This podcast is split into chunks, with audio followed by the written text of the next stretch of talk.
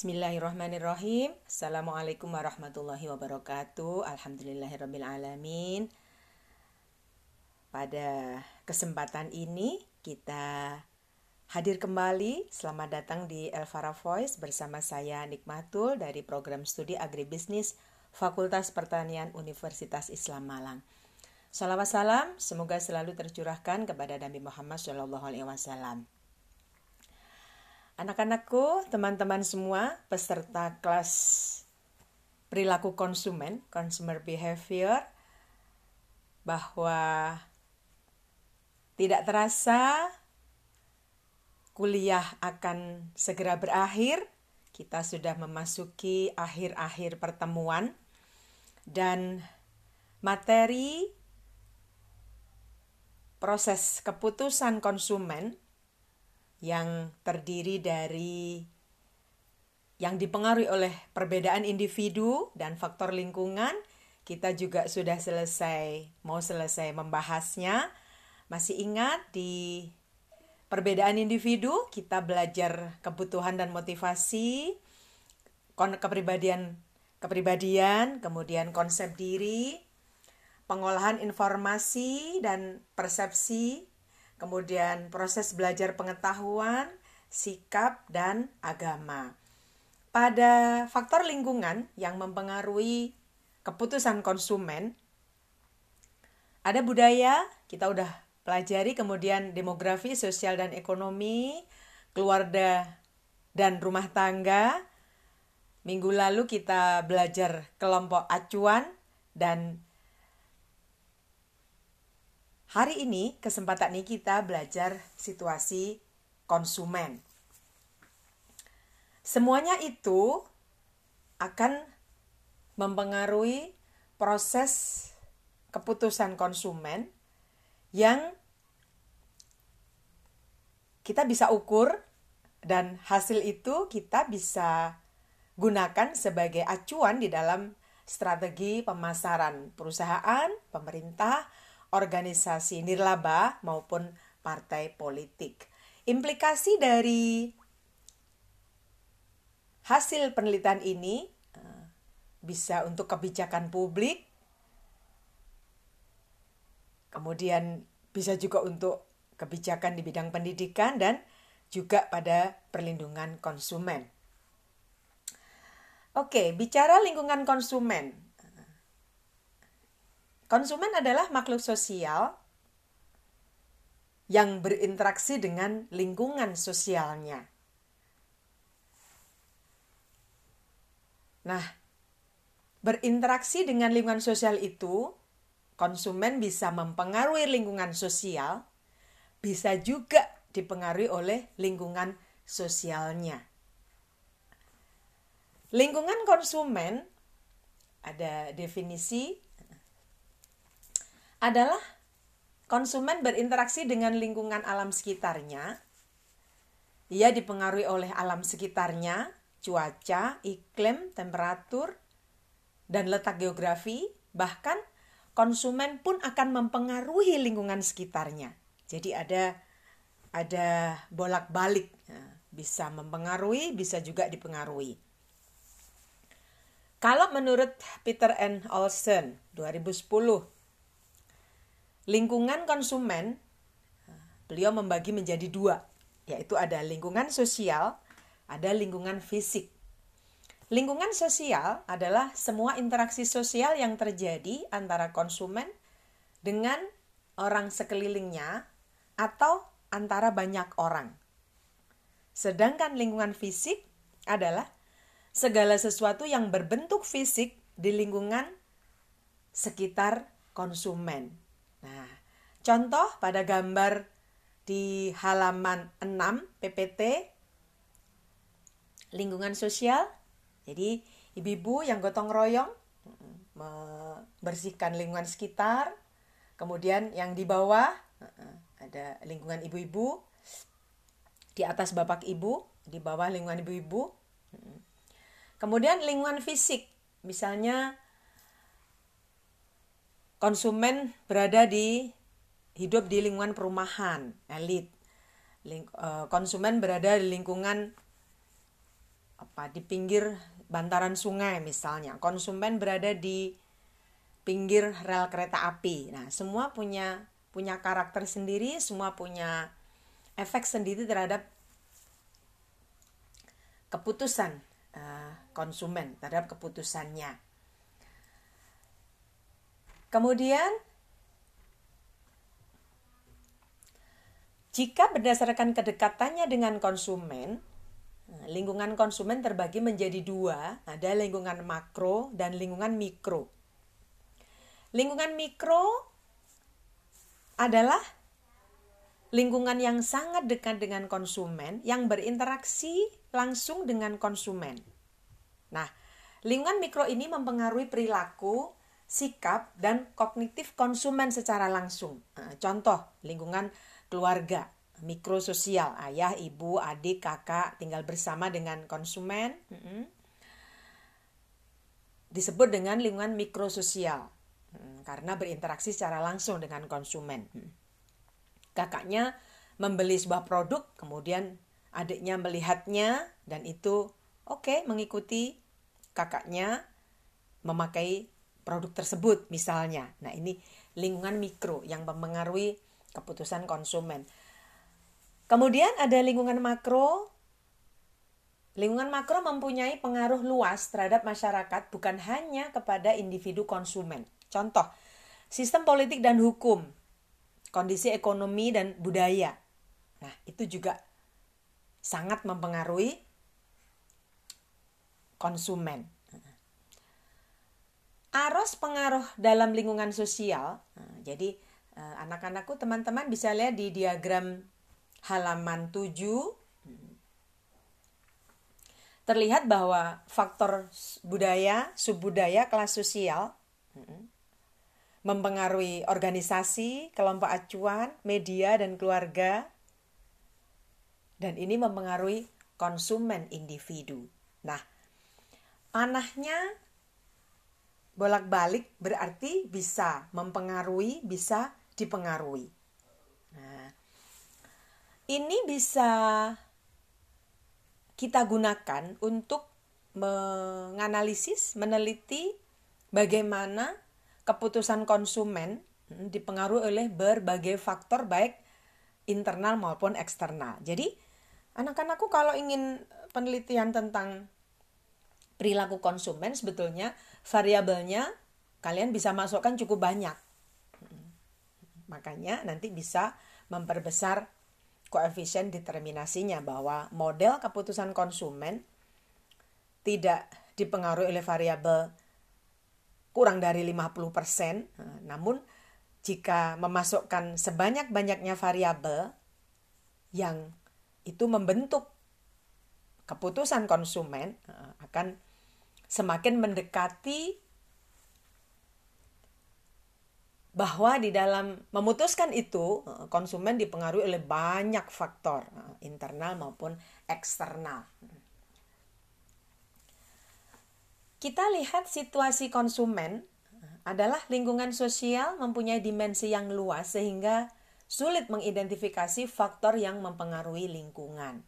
Nah, kalau mengacu pada definisi Peter dan Olsen tadi mengumumkan bahwa lebih mudah untuk melihat pengaruh lingkungan dalam konteks situasi tertentu.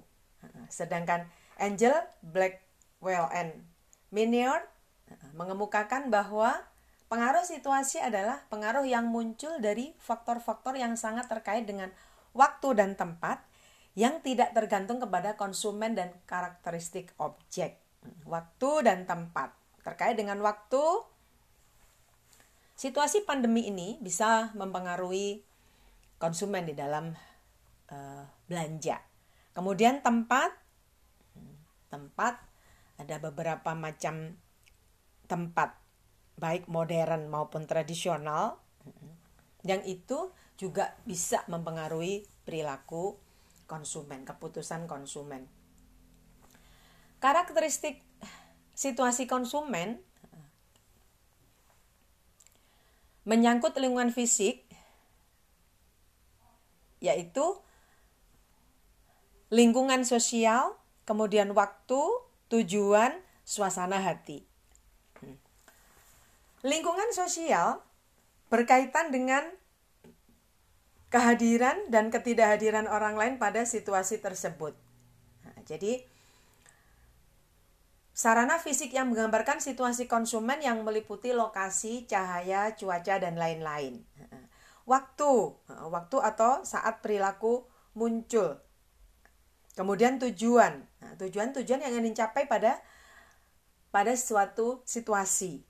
Suasana hati Suasana hati atau kondisi jiwa sesaat atau perasaan yang dibawa pada suatu situasi tertentu. Ini karakteristik situasi mencakup empat hal.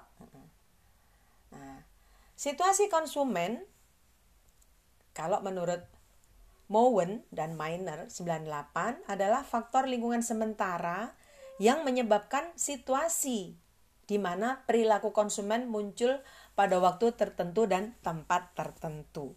Jadi spesifik pada local, pada place, and pada waktu tertentu. Situasi komunikasi juga mempengaruhi lingkungan konsumen. Situasi komunikasi adalah suatu suasana atau lingkungan di mana konsumen memperoleh informasi atau melakukan komunikasi. komunikasi yang dilakukan bisa bersifat pribadi atau non pribadi.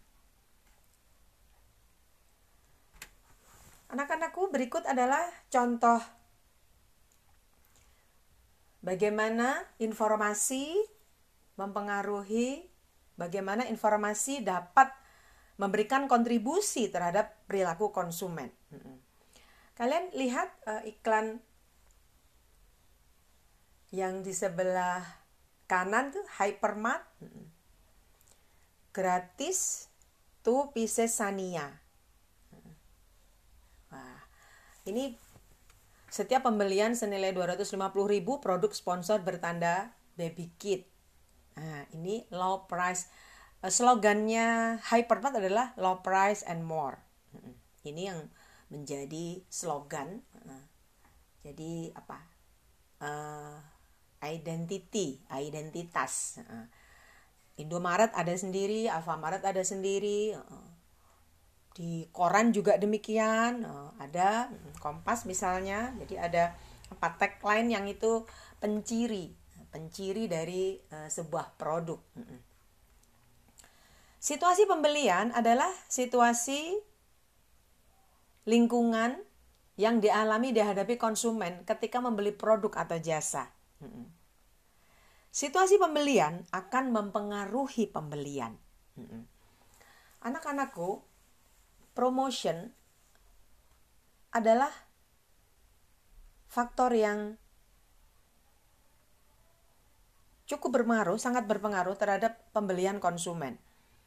Produk-produk tertentu, da, uh, oke, okay, dan promotion menyerap hampir 30% biaya yang itu juga dibebankan dibebankan kepada konsumen sebetulnya tanpa terasa. Beberapa Nah, uh, kita lihat uh, bagaimana promosi-promosi yang dilakukan oleh berbagai supermarket yang cukup besar-besar. Jadi kalau saya melihat kalau seperti di Ramayana kok nampaknya sepanjang tahun ya ada diskon ya. Nah, itu itu juga sangat mempengaruhi konsumen dan banyak juga konsumen yang sangat terpengaruh dengan strategi ini gitu. Kalau kita lihat di supermarket besar-besar itu juga menerapkan promotion yang sangat besar dalam rangka mencapai tujuan pemasarannya. Oke, kita lanjut. Situasi pembelian dalam sebuah toko eceran memiliki karakteristik situasi konsumen sebagai berikut. Eh, yang pertama, lingkungan fisik, kemudian lingkungan sosial, yang ketiga waktu dan alasan pembelian, yang kelima adalah suasana hati. Lingkungan fisik Sebuah toko eceran dapat berbentuk lingkungan informasi dan lingkungan toko. Lingkungan informasi sebuah toko menggambarkan semua data atau informasi produk yang tersedia bagi konsumen. Nah, informasi produk sangat berkaitan sangat penting karena dibutuhkan oleh konsumen untuk mengambil keputusan pembelian. Beberapa hal penting yang harus dilakukan oleh para pengelola toko adalah ketersediaan informasi, format informasi, bentuk informasi, lokasi toko, layout toko, musik, warna, produk yang tersedia di tempat penjualan, dan lain-lain. Lingkungan sosial berkaitan dengan adanya interaksi konsumen dengan konsumen lainnya dan interaksi konsumen dengan pramuniaga atau tenaga penjualan. Di supermarket yang besar-besar itu kalau memanggil konsumen aja beda ya, bukan Ibu E, Mbak E, enggak sering kali menggunakan kata-kata bunda. Oh ya, yang mana kak? Yang mana bunda? Itu secara tidak langsung sebetulnya sangat mempengaruhi konsumen karena ada kenyamanan tersendiri. Nah, jadi berbeda disapa dengan Mbak E, yang mana Mbak E? Nah, dengan yang mana Bunda? Nah, akan beda. Nah, itu lingkungan sosial. Kemudian waktu. Waktu sebagai variabel situasi dan produk. Banyaknya waktu yang dimiliki pengunjung toko akan mempengaruhi cara berbelanja dan pembelian produk. Ada kalanya konsumen tuh dari kalau mau belanja dari rumah udah punya list, itu seperti saya. Udah punya list barang yang mau dibeli dan sudah bisa membayangkan letaknya di mana. Jadi ketika sampai toko tinggal ambil keranjang, kemudian ambil produk-produk sesuai dengan list yang telah dibuat dan selesai bayar sudah pulang. Tapi ada kalanya konsumen yang memang sengaja datang ke toko dengan melihat produk-produk, membandingkan produk-produk pada fungsi yang sama. Jadi misalnya sabun pencuci ada berbagai macam itu dipelajarin Kemudian uh, ke kosmetik misalnya, ada pembersih, ada facial, ada pembersih muka. Nah, itu dipelajarin tuh, uh, dibaca satu persatu. Dengan demikian, konsumen memiliki informasi yang sangat cukup untuk sebuah produk dan ada konsumen yang langsung membeli, ada yang itu menjadi tambahan pengetahuan dan pembelian dilakukan pada berikutnya. Jadi Makanya pentingnya tata letak, pentingnya kemudahan di dalam mengambil barang itu juga sangat menentukan keputusan konsumen. Kemudian situasi pemakaian merupakan situasi penggunaan produk dan jasa, yaitu situasi atau suasana ketika konsumsi terjadi. Nah, konsumen sering kali memilih produk karena pertimbangan dari situasi konsumsi dan situasi pemakaian tertentu. Nah, situasi pemakaian sering kali mempengaruhi apa yang akan dipakai konsumen. Nah, terakhir eh, kita membahas situasi pemakaian dan strategi pemasaran. Pada produsen sering menggunakan konsep situasi pemakaian dalam memasarkan produk-produknya. Kemudian, produk sering diposisikan sebagai produk untuk digunakan pada situasi pemakaian tertentu. Ada produk-produk yang e, jadi misalnya pelembab pagi itu kan khusus untuk pagi. Ada kemudian krim malam. Nah, itu pada contoh e, produsen yang menggunakan konsep situasi pemakaian dalam memasarkan produk-produknya. Belum bicara segmentasi pasar, market segmentation. Maruhun mengemukakan bahwa 13% responden mengonsumsi mie instan pada pagi hari, 14% responden mengonsumsi pada malam hari, dan 71% responden mengonsumsi pada waktu yang tidak tentu. Jadi dimakan kapan saja. Nah, demikian informasi simple namun sangat mempengaruhi keputusan konsumen. Kemudian hasil penelitian Marlina meneliti kartu kredit dan kartu debit. Hasilnya kurang dari 90% eh kurang lebih 90% responden menggunakan kartu debit jika responden tidak memiliki uang tunai. Apalagi di masa pandemi ini sangat penting untuk kita kalau terpaksa beli offline, eh, tidak beli online, maka kita cukup menggunakan kartu debit. Nah. Oke, eh, demikian eh, materi tentang faktor lingkungan yang berkaitan dengan situasi konsumen. tentunya ini menjadi masukan bagi kita untuk bisa melakukan penelitian berkaitan dengan perilaku konsumen eh, dalam rangka membuat model eh, fungsi eh, faktor apa saja yang mempengaruhi pembelian konsumen terhadap sebuah produk. Jangan lupa untuk untuk selalu mengupdate di daring. Materi juga bisa di-download di daring Unisma. Sekaligus uh, kalian bisa mengupload tugasnya, kemudian eh, assessment nanti juga akan Ibu lakukan di daring Unisma. Demikian, terima kasih telah mendengarkan. Uh, selamat belajar. Sebentar lagi kita akan mengadakan UAS. jangan lupa untuk melengkapi semua materi Eh, perilaku konsumen ini kita ada 15 ada 14 materi. Jadi 7 materi sebelum UTS kemudian ada UTS kemudian 7 materi setelah UAS baru kemudian pertemuan ke-16 kita mengadakan UAS selamat berjuang semoga selalu diberi kemudahan sehat selalu sampai ketemu materi berikutnya. Wassalamualaikum warahmatullahi wabarakatuh